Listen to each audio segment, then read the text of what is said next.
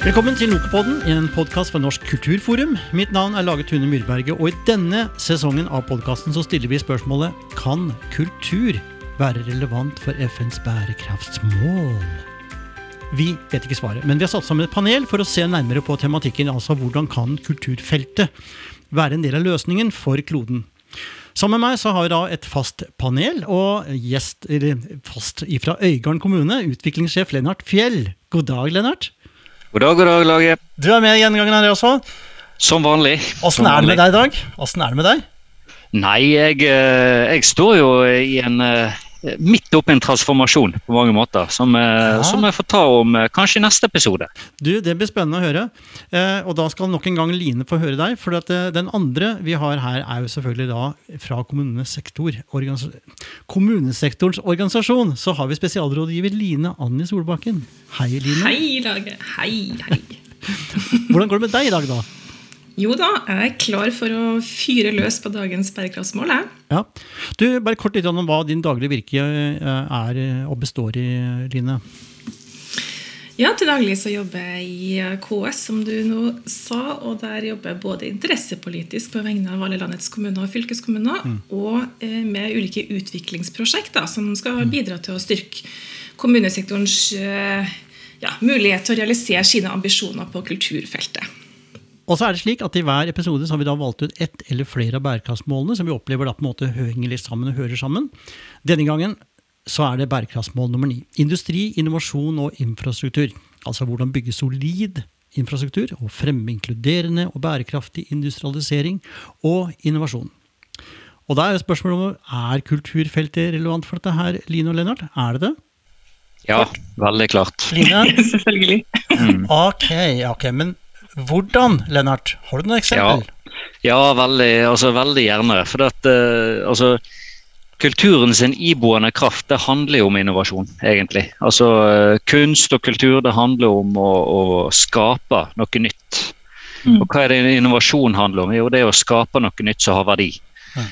Uh, og det er klart, her er det jo noe Kanskje industri, næring og kulturfeltet kan lære av hverandre rett og slett. Mm. Nemlig. Og du Line, har du et eksempel som bekrefter din selvsakthet? ja. Nei, jeg tenker jo, Det er mange eksempler, men eh, festivaler igjen, vi har snakket om festivaler tidligere. Trenerfestivalen på Helgeland mm. eh, kombinerer jo spektakulær natur med kulturopplevelser. Og Der går jo privat næringsliv, frivillighet, offentlig sektor sammen. Eh, de kan jo egentlig bare sjekke av bærekraftsmål nummer 17, samarbeid for å nå målene med en gang, om å lage de her eh, festivalene. Og der innoveres det. Det skapes arbeidsplasser, og det skapes mange ulike former for verdier. Nemlig. Dette høres veldig lovende ut. Jeg kommer til å snakke varmt rundt kultur også denne gangen, men det gjør vi ikke alene. Vi har jo alltid en gjest med oss. Og denne gangen Kim Gabrielli. Du er altså administrerende direktør for UN Global Compact Norway. Og Det er altså FNs organisasjon for bærekraftig næringsliv. Velkommen, Kim. Det stemmer. Tusen takk for det. Ja. Du, Forklar litt den tittelen og hva det innebærer for ditt uh, daglige virke. Altså, eh, UN Global Compact er altså FNs organisasjon for bærekraftig næringsliv. Og vi har samtidig så er vi også en medlemsdrevet organisasjon med 13 000 bedrifter globalt. Og i Norge så er vi da 300 medlemmer snart. Begynner å nærme oss det nå. Ja. og så vi På én side så har vi liksom den store FN-paraplyen, og på den annen side så, så, skal vi da legge til rette for uh, ja, å gi et tilbud til bedriftene og bli enda mer bærekraftige. Rapportere bedre, se de bærekraftige businessmulighetene som ligger der. Mm. Så det er et ganske stort mandat, så det er det vi prøver å finne ut av. Hva er det vi skal jobbe med akkurat i Norge. Ja. Du, da registrerer jeg altså at medlemstallet deres går oppover? Ja, det er mer enn dobla. Det var 118 og jeg starta ja. i september 2019. Og nå er det altså 290 som har enten medlem eller meldt seg inn hos oss. Ja, altså Siden eh, innovasjon eh, og infrastruktur er eh, to av temaene denne gangen, kan dette skyldes at du aktivt bruker podkast som metode? Det kan hende. Nå er jo En av grunnene til at vi begynte med podkast, eh, ja. altså da den som heter Fremtidens næringsliv, ja. sammen med Abelia, var jo det at medlemmene spurte om det. For de opplevde at det var for få podkaster og for lite deling av eh, aktiviteter. Det her var i 2019. Eh, og hvis podkast er et godt, godt, verktøy, så er det mange som har oppdaga det siden da. For det har kommet ekstremt mange nye podkaster på næringsliv og bærekraft siden den gang. Ja, ikke sant? Så, men ja, det er en måte for oss å komme i tettere dialog og lære Mm. mer. Eh, Videreutvikle ideene og tankene våre om hvordan vi jobber. og Derfor er det særlig eh, spesielt og gøy egentlig å møte dere i dag. For jeg pleier ofte å møte andre podkaster som, som kanskje heter sirkulærøkonomi eller noe sånt. Men nå er vi på kulturfeltet, og det er som allerede har blitt nevnt, eh, mange gode bedriftsmuligheter og bedrifter som, som har kultur som utgangspunkt. Og det blir gøy å snakke mer om. Du, I en av de siste episodene dine så var du innom det med perspektivmeldinga. Eh, Vi skal komme tilbake til det senere. Liten cliffhanger der. Men eh, for å gå rett på det, Kim. Hva er kultur for deg? Ja, det er litt sånn eh, som hver innovasjon. Ja, eh, jeg tenker at eh, Det er jo mange måter å definere dette på, dette kan dere bedre enn meg. Men jeg, jeg tenker at det, ligger, det er nærliggende å tenke både på eh, identitet, eh, hva, eh, hvordan definerer vi oss. Eh, og Det kan være en arktisk kultur, det kan være en norsk kultur, det kan være en eh, industrikultur. Eh, det kan det selvfølgelig være. Kultur for å få til noe. Eh, og så kan det også være det som er kanskje som, eh, det som man ofte kaller som finkultur, som er liksom mer, mer denne mm.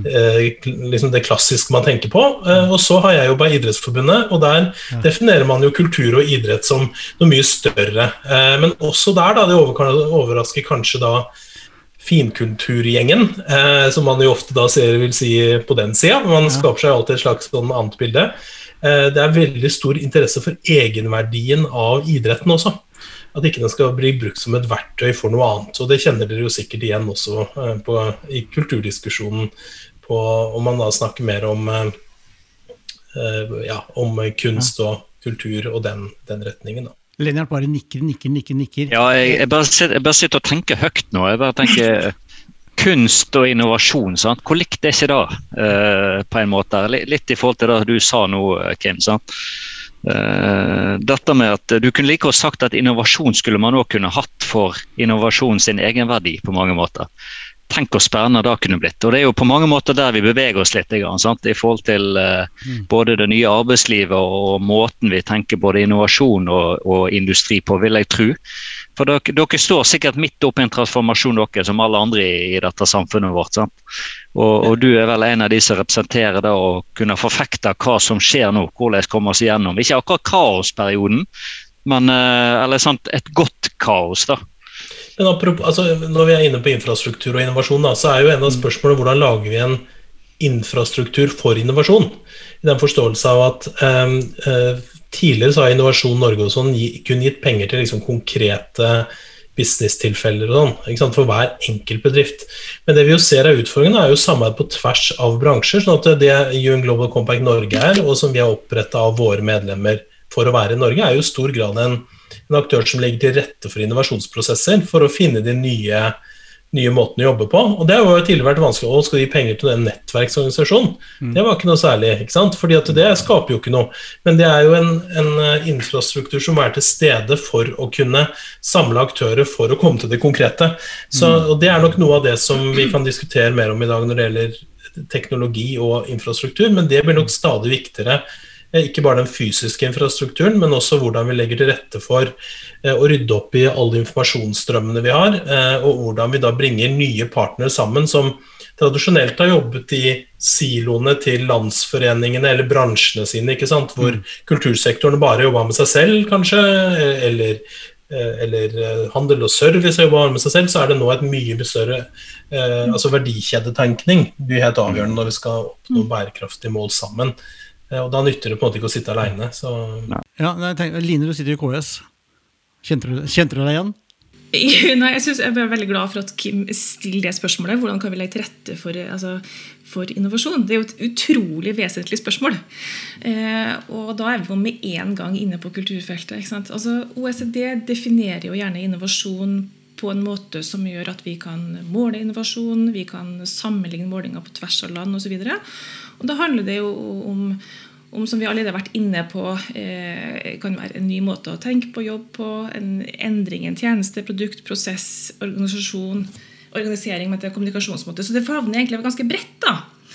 Eh, men så tenker jeg at vi kanskje i for stor grad knytter ordet innovasjon til teknologisk utvikling. At vi rett og slett nesten begrenser oss litt i det. Og den koblinga er i seg sjøl ikke et problem. Selvfølgelig er den der. Men kulturfeltet, som Lennart har vært inne på, har jo drevet med innovasjon fra tidenes morgen, fra lenge for, før teknologien ble, ble, påtenkt. Så det er noe med å eh, ta med seg at det feltet besitter kompetanse, egenskaper, ferdigheter og verdier som er utrolig viktig nettopp for å legge til rette for innovasjon. Og Da er vi tilbake til Kims spørsmål. Hvordan kan vi lage en infrastruktur som, som, legger til rette for innovasjon? Jo, vi kan lage en infrastruktur for kulturell virksomhet i samfunnet. Rett og slett. Eh, et kulturkontor i en kommune f.eks. har gjerne tett dialog med innbyggerne, lag, foreninger, næringsliv. Eh, det er klart mye av, eh, av prosjekter, prosesser, arrangement der er næringslivet kobla på, enten det er transport eller bespisning eller overnatting osv. Så der har man noen linker. Og så er man god på prosesser, man er god på prosjektarbeid, man er god på budsjetter, søknad, rapportering, kommunikasjon, markedsføring, kreative prosesser, kritisk tenkning. Jeg kunne ramse opp ganske mye. Alt det her er en kjemperessurs inn i innovative prosesser som er tverrfaglige. Så eh, legg til rette for kulturell virksomhet, og du legger samtidig til rette for innovasjon, tenker jeg. Men har vi ikke det her, da? Vi har kulturkontor, har bibliotek, kinoer og kulturhus. Jeg har det, men jeg tror faktisk at det er, et, nei, det er et ganske stort utnytta potensial i å bruke det her mye mer bevisst og aktivt. Og noen er gode på det, for all del, men jeg tror det er et ganske stort utnytta potensial. Så tror jeg, og bare litt sånn brannfakkel, jeg tror ikke vi som fagfolk da, skal være så redd for å gå inn i tverrfaglige prosesser. Vi skal ikke være så redd for at kulturen eh, mister sin egenverdi i det. Vi skal ikke være redd for at vi hva skal jeg kalle at vi, eh, vi mister vår, eh, vår, faglige kjernemuskulatur eh, ved å synliggjøre effekten av kulturfaglig kompetanse. Men Der må jeg få skyte inn. for jeg føler at det er en sånn type etablert sannhet allerede at man skal ettertrakte nå eh, å gå etter krysskoblinger. Man skal koble sammen eh, det ukjente med hverandre. Sant? Rett og slett for å legge til grunn for at det skal kunne bli innovasjon. Og det, det merker jeg i, hvert fall i, altså Nå er jeg utviklingsleder sant, i en kommune. Og, og det er det det handler om der nå. Det er det det handler om. Altså, Vi skal ikke ha siloer. Vi skal snakke sammen for å skape noe nytt, og det gjør vi. Så enkelt er det sant? å legge til grunn for at, det, at, vi kan få de der gode møtene med det ukjente. det er et sitat som jeg ikke husker hvem jeg har det ifra lenger. Men jeg bruker det sjøl ganske ofte. og det er det at jeg... Eh, Del med oss. Ja, ja, og dette er bra. Dette er bra. Og det er så enkelt. Og det er det at jeg har aldri lært noe av de som er enig med meg. Og da legger jeg til, mm. til, grunn og til rette for at du får diskusjoner Altså, du får ikke diskusjoner med meg som er enig med deg. Sant? Og da må du kanskje ut. Du må ut av uh, det komfortable. Sant? Og hvem i kulturfeltet f.eks. er ekstremt gode på dette her? Jo, da har du kunst, uh, kunstnere, f.eks. Avantgarde. Altså, hva er det det handler om? Det handler om akkurat dette med å ettertrakte det nye og, og, og, og bryte grenser. Sant? Og Der tipper jeg at, eh, at eh, industri, næringsliv eh, har fortsatt et stort potensial, hvis de ser det. Og kanskje det er helt perfekt tidspunkt nå, siden vi er i den transformasjonen som vi er i. Kim, nå har du hørt lenge på kulturfolka prate. Nei, men Jeg, jeg syns dette er veldig gjenkjennelig. og som er jo mm. til igjen, altså, hva heter for noe, Jeg husker ikke ordet hva jeg skulle si nå. Men jeg må jo si, jeg må jo være så ærlig da, at jeg også har starta en liten startup som, som selger eh, norsk eh, designmøbler. Eh, så det gjør jo at, eh, Og der er det også ganske mye kulturindustrihistorie mm. og, og, kultur fra så møbler fra 50- til 70-tallet er det mm. som den bedriften eksisterer fortsatt og har fokus på. Mm. Um, og der er det en, en kunstner og pro, pro, produktdesigner som heter Arne Lindås. Mm. Som ikke det, Antageligvis, vi hadde ikke hørt om han. Uh, Det er egentlig veldig rart, fordi han er egentlig en ganske unik kunstner og en ganske unik produktdesigner. Fordi han har produsert fordi alle, han tegna ting for de største eh, glass, altså Porsgrunn, Magnor, mange av de store. Mm. Og samtidig så, så, gjorde han mye på kunstsida.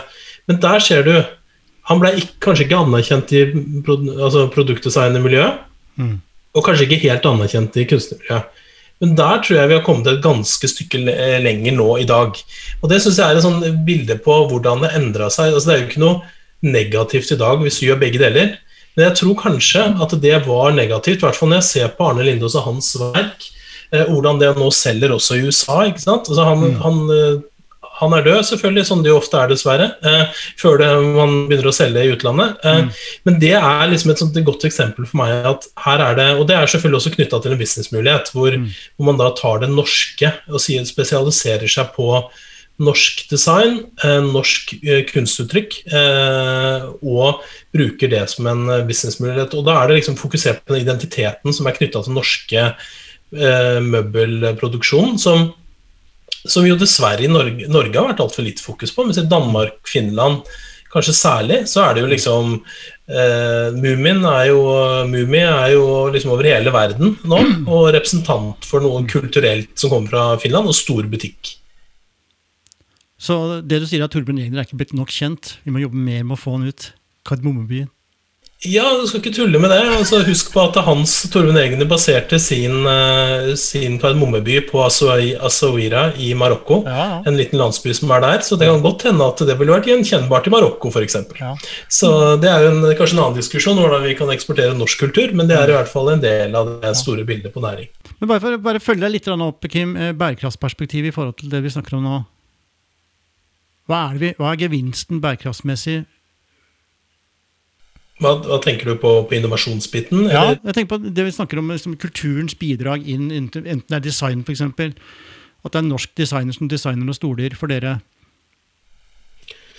Ja, altså, det er jo Jeg tror Hvis vi går tilbake og ser på det norske designet, eller kanskje alt design da, etter, etter den andre verdenskrig, mm. det var mer lokalt. Det tok i bruk eh, eh, andre typer materialer enn vi gjør i dag. Mm. Og var i mye større grad, eh, i hvert fall inntil vi kommer inn på 70-tallet antageligvis, så var det i mye større grad også sirkulært. Mm. Så det er klart at det her er det er mange ting å, å, se på, og det syns jeg det er egentlig fascinerende. Eh, hvordan vi snakker om bærekraft er fascinerende i en sånn lokal kontekst. For det, det er ikke alle som vil eh, liksom, ha noe forhold til bærekraft, men kanskje til lokalsamfunnet sitt så har de kanskje det. ikke sant? Eh, og hvis vi første gang jeg, Noe av det første jeg gjorde i den nye jobben, var å dra til, eh, til Finnmark. Eh, og da var det mange som ikke De mente ikke at de var så veldig bærekraftige. Mm. Men de gjorde mange av tingene som de alltid har gjort.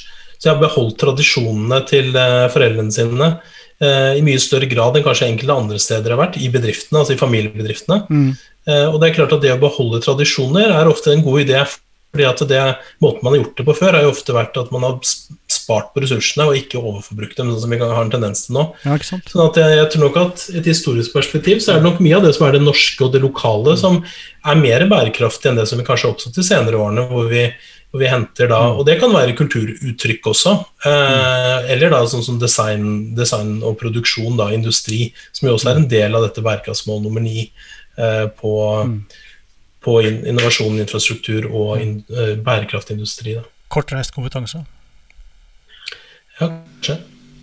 Jeg, må, jeg syns det her er utrolig interessant. Det, eh, det du var inne på her, Kim. Altså, det er veldig mange kunstnere som ikke har blitt kjent i sin samtid. Det tror vi har ganske mange eksempler på.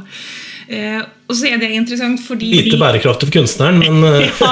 ja, det eh, Men det er interessant fordi at eh, litt av kunstens oppgave er jo kanskje da å eh, komme med litt sånn alternative vinklinger, syn på ting, provosere litt, utfordre litt. Eh, og så har du den biten eh, hvor vi snakker om at det skal være gjenkjennbart og forståelig. og alt det her. Og kanskje det er det som selger mer, da. ikke sant? Mer, har en større markedsverdi. På kort sikt, i hvert fall. Men hvordan klarer vi da å eh, Jeg vet ikke helt hvordan jeg skal formulere det her spørsmålet, da, men, men hvordan klarer vi å, å, ta inn kulturfaglig kompetanse i næringsutviklinga på en måte som både eh, ivaretar eh, det at kunsten kan bidra til økt markedsverdi, det gjenkjennbare, det salgbare, eh, og samtidig òg være litt utfordrende. Hvis du snakker om design på møbler, som du var, inne på nå, Kim. Eh, kanskje noen av de møblene som skapes i dag, eh, oppleves som helt på trynet. Men om noen år så er de kjempemoderne. altså, denne balansen da, mellom å være i et marked og skal selge og skape økonomisk vekst, og samtidig drive med en sånn annen form for utvikling. Ja, Det var litt sånn klossete formulert, men du skjønner hvor jeg vil. Jeg skjønner hva du mener. Altså, dette er jo litt den klassiske diskusjonen om uh, skal man i det hele tatt subsidiere kunst, uh, eller skal kunst mm. konkurrere i et åpent marked.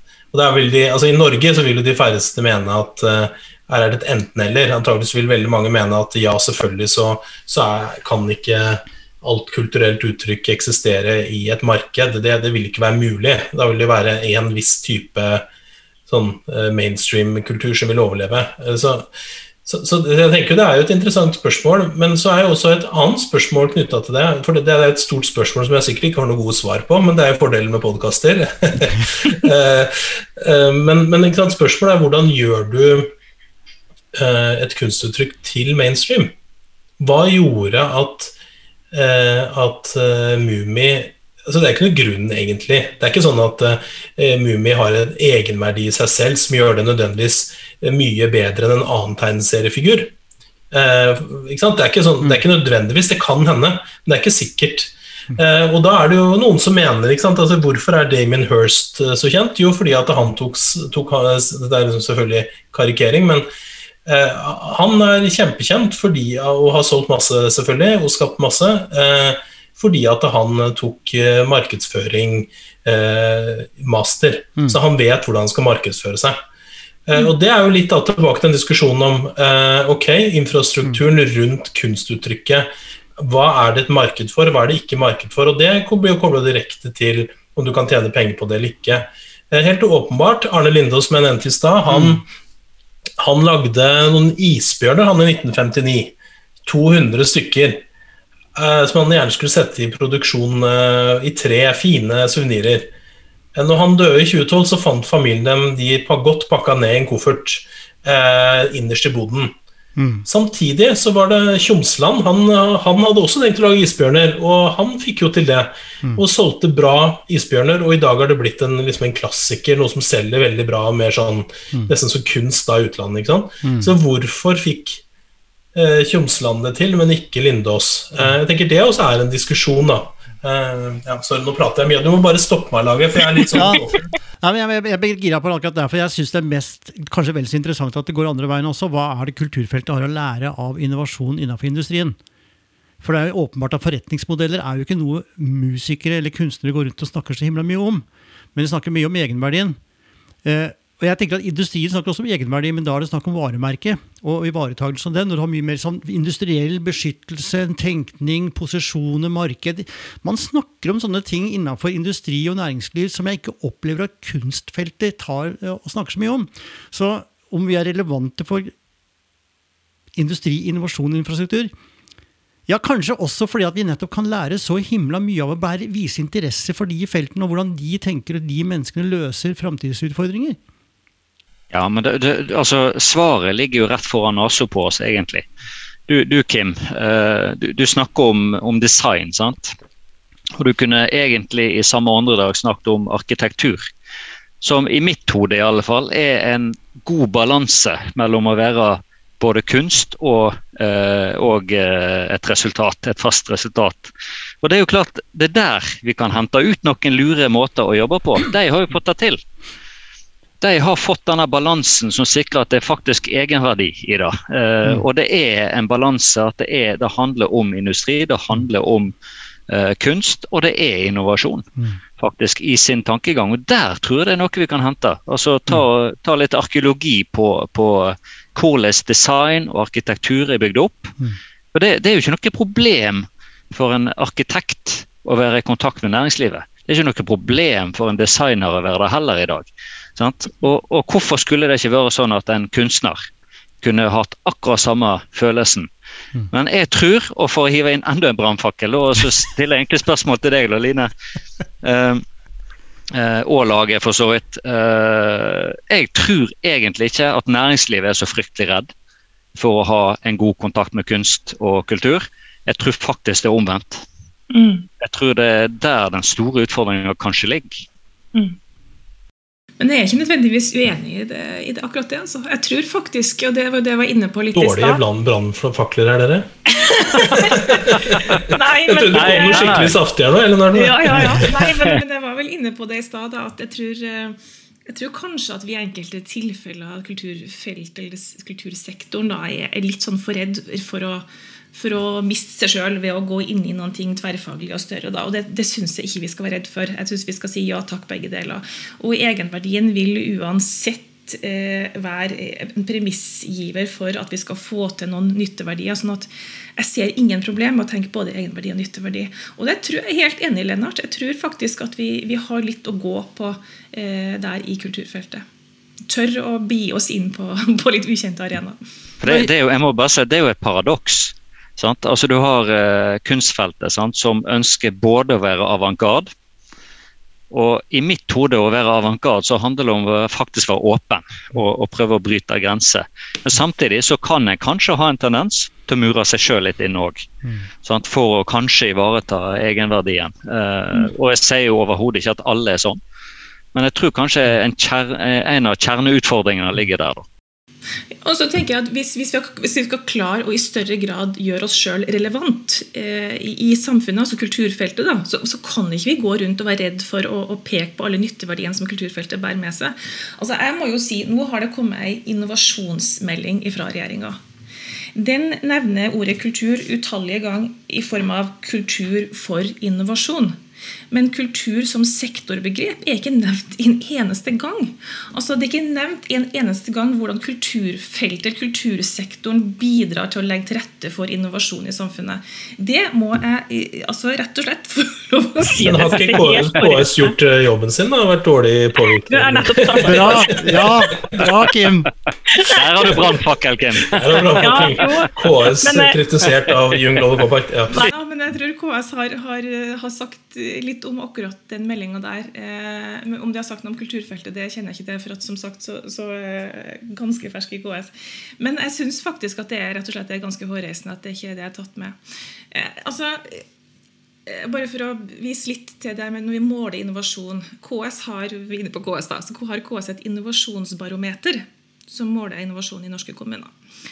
Og, og, og en av de tingene som jeg syns var interessant i forhold til siste publikasjon der, det var at det, altså når vi skal synliggjøre hva som fremmer og hva som hemmer innovasjon, så peker den på at eh, samspillet med innbyggerne er betraktelig sterkere innenfor kulturfeltet enn det er innenfor totalen i offentlig sektor. Og Da, vi, da kobler vi oss litt på bærekraftsmål 17 òg, altså samarbeid for å nå målene. Og jeg tror det, det samspillet på tvers av offentlig, frivillig sektor, privat sektor, er så utrolig viktig for at vi skal få til innovasjon. Det er nettopp der, Hvis vi sitter helt alene inne i siloen vår og hører på vårt eget ekko, så skjer det ikke nødvendigvis veldig mye nytt. Vi er nødt som Lennart var inne på, vi er nødt til å bli utfordra av hverandre. Eh, ta til oss hverandres kunnskap. Tørre å gå over noen sånn faggrenser eh, hvis vi skal klare å utvikle oss. Og her ligger det jo et potensial. da. Når en kulturavdeling i en kommune nå har vi fått det bevist, har veldig tett dialog med innbyggerne i en kommune, hva, hvorfor ikke bruke det mye mer aktivt og bevisst enn vi kanskje gjør i dag, da? En form for sosial innovasjon da, som du er ute etter å utfordre oss på her. Ja, eh, eh, og det har vært inne på flere ting Men det handler om som andre tilliten også fra kommunen. Altså, hvis, det, hvis kommunen er den som avviser byggesøknaden din, så skiter du egentlig i kulturlivet. Ja, men Kan vi ikke da snu om den tilliten, hvis det er et tillitsproblem der? Så kan vi ikke da snu om den med å bygge en merkevare som synliggjør at kommunen, det er, det er ikke nødvendigvis de som sitter på et rådhus. Kommunen, det er oss alle sammen.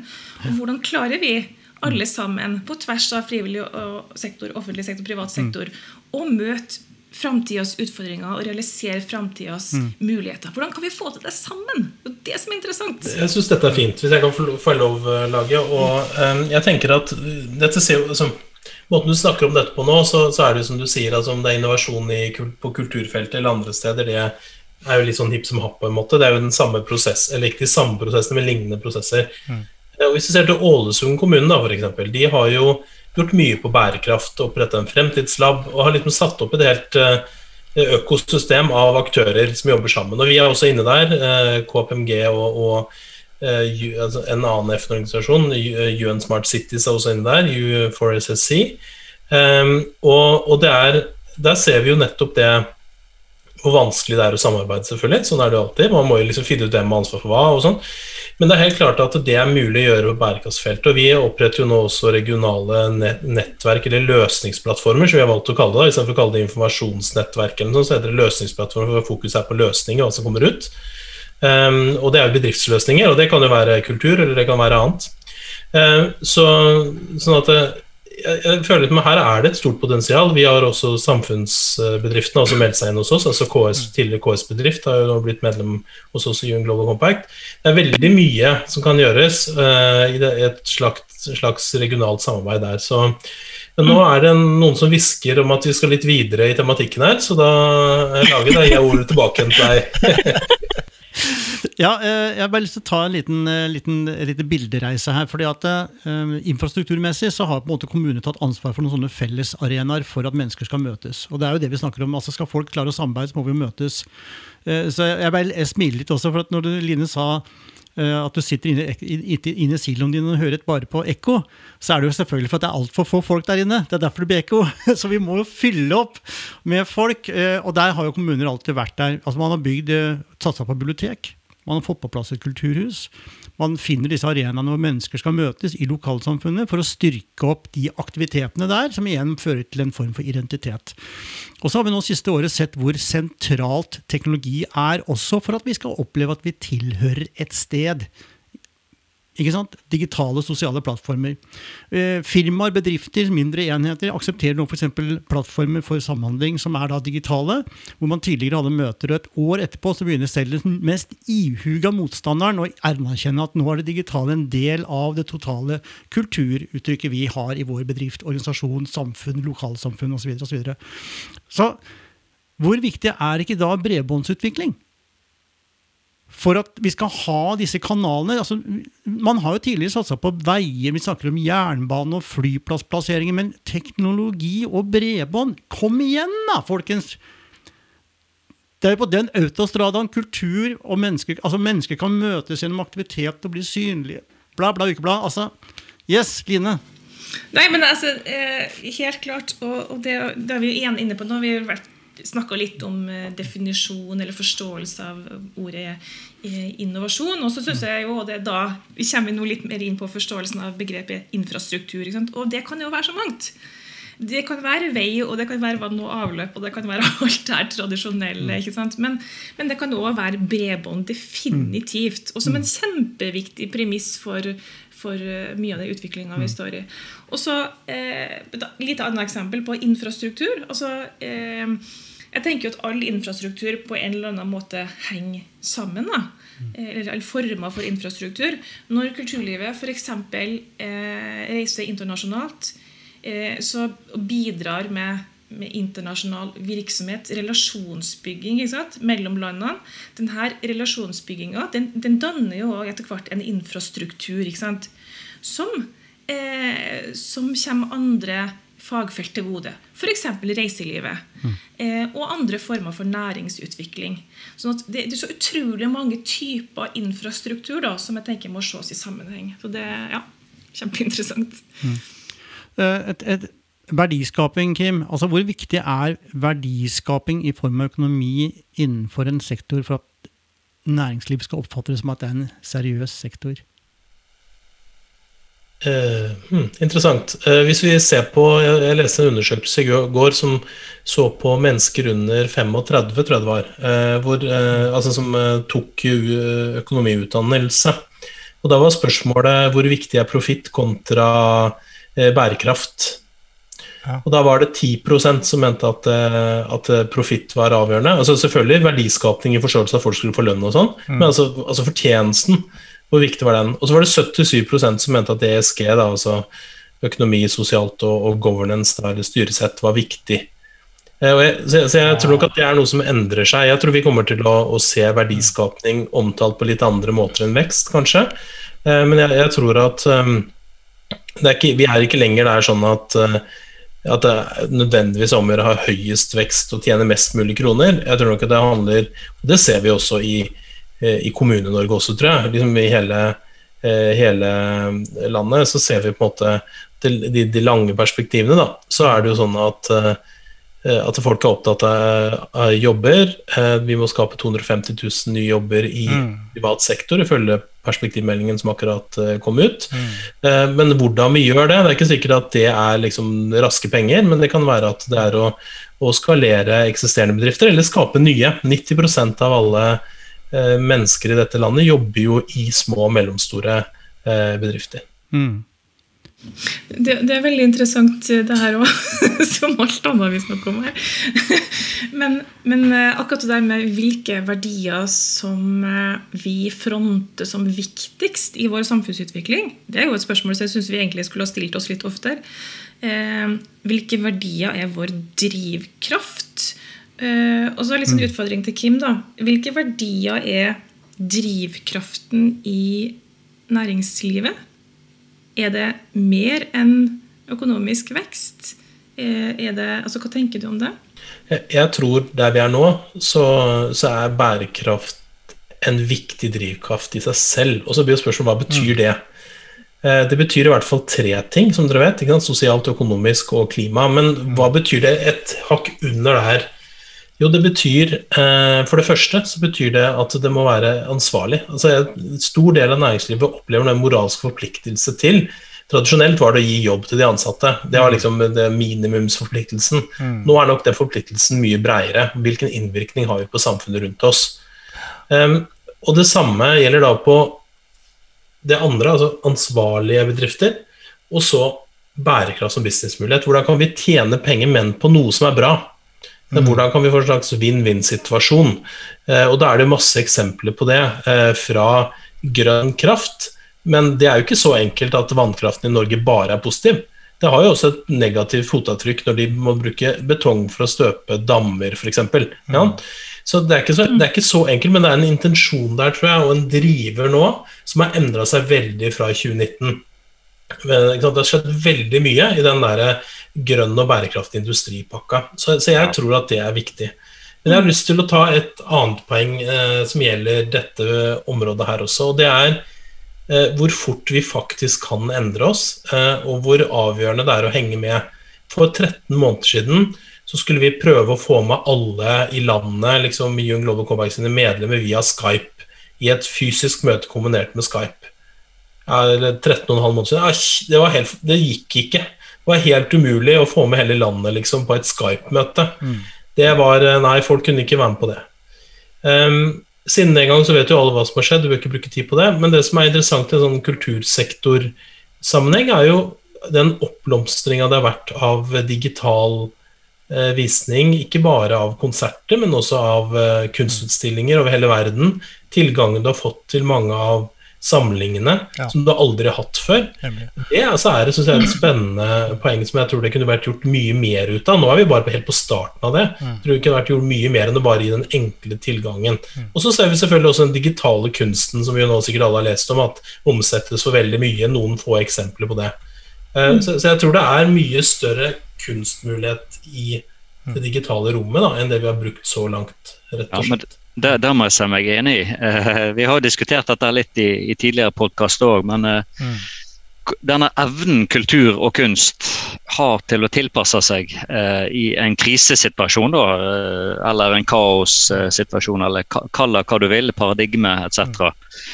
De ser mulighetene sant? Og, og, må da veldig ofte gjøre det ganske raskt. Og, og ved å gripe mulighetene, så blir de òg innovative. sant?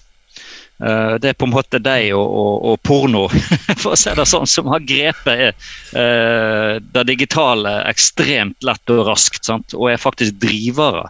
Med sammenligning, uh, sammenligning for øvrig, må vi si. Ja. ja. Selvsagt. Selvsagt. Men det er, det er, noe der. Vi lever i det der paradigmeskiftet. Sant? Den liminale fasen der vi Det er vanskelig, men vi må gjøre et eller annet. Vi ser at vi må gjennom et grønt skifte, etc. Et det er så mange sånne store trender som, som uh, vi vet vi må gjennom. Og denne endringa som du peker på, ifra, bare fra 2018-2019 i forhold til at man lo litt av det grønne skiftet, til nå å ha fullt fokus på det. Og så har du en generasjon, og du pekte litt på disse her eh, under 35 nå. Sant? Du har en hel generasjon nå med, med masterstudenter bl.a. som nå kommer ut i arbeidslivet og faktisk vet hvordan dette med bærekraft fungerer. Det er jo ikke bare det grønne skiftet, det er bærekraft i alle ledd. Sant? Og helt ned på, på mikronivå. Og Da blir jo interessant. Og tenk om vi i den type utdanning kunne ha henta noe fra kulturfeltet ut ifra hva styrker de har knyttet til innovasjon etc. Mm. Mm. Og så vil jeg bare si det du, det du er inne på laget med infrastruktur og dette med å legge til rette for, mm. for selvsagt det digitale og den digitale utviklinga, mm. som er kanskje den absolutt største driveren i, i utviklinga av samfunnet i dag, så er jo det selvsagt veldig viktig. Og det er lett for oss å si her i Norge. Mm.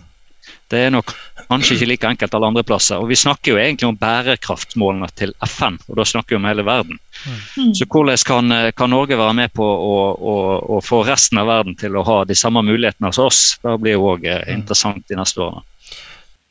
Du, Kjempeinteressant. Eh, tro det eller ei, men vi nærmer oss eh, slutten på podkastepisoden vår. Eh, og vi skal ta en liten runde rundt i panelet og ta en minutts eh, stillhet.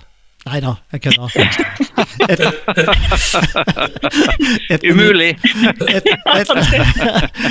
et, minutts uh, liten sånn oppsummering. Uh, short, ta runden rundt. Uh, er du klar, Line? Ja. mye interessant her. vi kunne sikkert ha snakka mye lenger òg. Jeg tror både at kulturfeltet må bli enda mer aktiv og flinkere på å gjøre seg sjøl relevant for andre fagfelt. Mm. og så tror jeg òg at vi òg har en oppgave i å få eh, synliggjort kulturfeltet som mer enn underholdning. Det har jeg vært inne på før. Eh, det er et felt som har en enorm kraft i seg til å, å bidra til innovasjon, endre mennesker og endre samfunnet. Ganske enkelt. Mm. Eh, og det det temaet vi har vært inne på i dag, er helt, det er helt åpenbart relevant i forhold til det. Både med å lage infrastruktur og ha med seg kompetanse. Strålende mer, vi er mer enn underholdning. Definitivt mer enn underholdning. Vi kan godt være det òg, men vi er så veldig, veldig, veldig mye mer. Lennart? Ja, jeg er veldig enig i det som du sier, selvfølgelig. Og så kan jeg supplere med det jeg tenker. det er at uh, altså Jeg får et inntrykk av, spesielt når du snakker, Kim, sant, at uh, næringslivet overhodet ikke er redd og har lyst og er nysgjerrig på kunst og kultur. Uh, I mye større grad enn tidligere, tror jeg. Uh, og Setter du det sammen med den det paradigmeskiftet vi er i nå, så er det kjempemasse muligheter. tenker jeg. Og Da må vi i, i, kunst- og kulturfeltet åpne opp i enda større grad. Våge å utfordre oss enda mer. Det kan vi jo. Sant? Og vi bør mm. definitivt begynne å finne ut hva er våre styrker som da kanskje næringslivet kan dra enda mer nytte av. Mm. Veldig bra, Lennart. Kim, har du en uh, liten oppsummering ja, altså jeg opplever at det som egentlig Lennart slutta med, at uh, jeg tror nok at kultursektoren også i enda større grad enn tidligere er åpen. Så jeg, jeg opplever at her har vi både en Hvis vi skal dele, liksom, putte inn i sektorer næringsliv og kultur, som begge er mye mer åpne enn før. Uh, og så er det vel litt sånn Jeg pleier jo å si at bærekraft er litt businessmulighet. Jeg tror nok at bærekraft er litt kulturmulighet også, ikke sant? og for, for forretningsmulighet. Og så likte jeg vel litt det vi var innom her, om at det er mye god kultur i en eh, god krise, hvis vi skal kalle det sånn. Og er det noe vi har fått testa ut nå det siste halvannet året, så er det jo både koronakrisa og klimakrisa. Og jeg tror at skal vi komme oss gjennom det med eh, liksom jobber også eh, på de mindre stedene i Norge, så må vi også få fram fordelene ved de små stedene. Det er masse fordeler med å ikke bo i en storby. ikke sant? Mm. Eh, og da tror jeg at kultursektoren er et sånt område hvor det finnes masse muligheter både til å jobbe med bærekraft eh, og da med, eh, med, forretningsutvikling lokalt. Og det, det, ser jeg veldig fram til, og vi har lyst til å jobbe mer. Jeg fikk ikke sagt så mye om det, men vi, vi jobber nå både med kommuner og fylkeskommuner over hele landet, eh, og har lyst til å invitere alle som hører på med i vårt arbeid, så sjekk oss ut på globalcompact.no. Og gjerne hør på Fremtidens eh, næringsliv, vår podkast, hvis jeg får lov å reklamere for det. Det er jo ikke NRK der, så jeg får vel lov å reklamere litt på slutten. Laget. Aldri lært noe av de som er enig med meg, sa du, Lennart. Det er helt riktig. Vi trenger å møtes og snakke, og ikke minst lytte på hverandre for å høre hvordan vi kan forstå hverandre bedre. Da får vi et bærekraftig framtid. Takk til deg, Kim, som eh, gjest hos oss eh, i denne episoden av Nokerpodden. Takk til deg nok en gang, Line. Nok en gang takk til deg, Lennart. Og til deg som lytter på. Vi høres i neste episode. Du har hørt en episode fra Nokupodden. Den er produsert for Norsk kulturforum, som er interesse- og kompetanseorganisasjon for kultursektoren i kommuner og fylkeskommuner over hele landet. NOKU handler om å samle og dele kunnskap og erfaringer for å styrke den lokale kultursektoren. Vi brenner for aktivt og engasjerende kunst- og kulturliv som skaper gode lokalsamfunn og gir mennesker økt livskvalitet. Vi håper du likte episoden, og at du finner mer interessant i andre episoder som vi også har liggende på våre kanaler.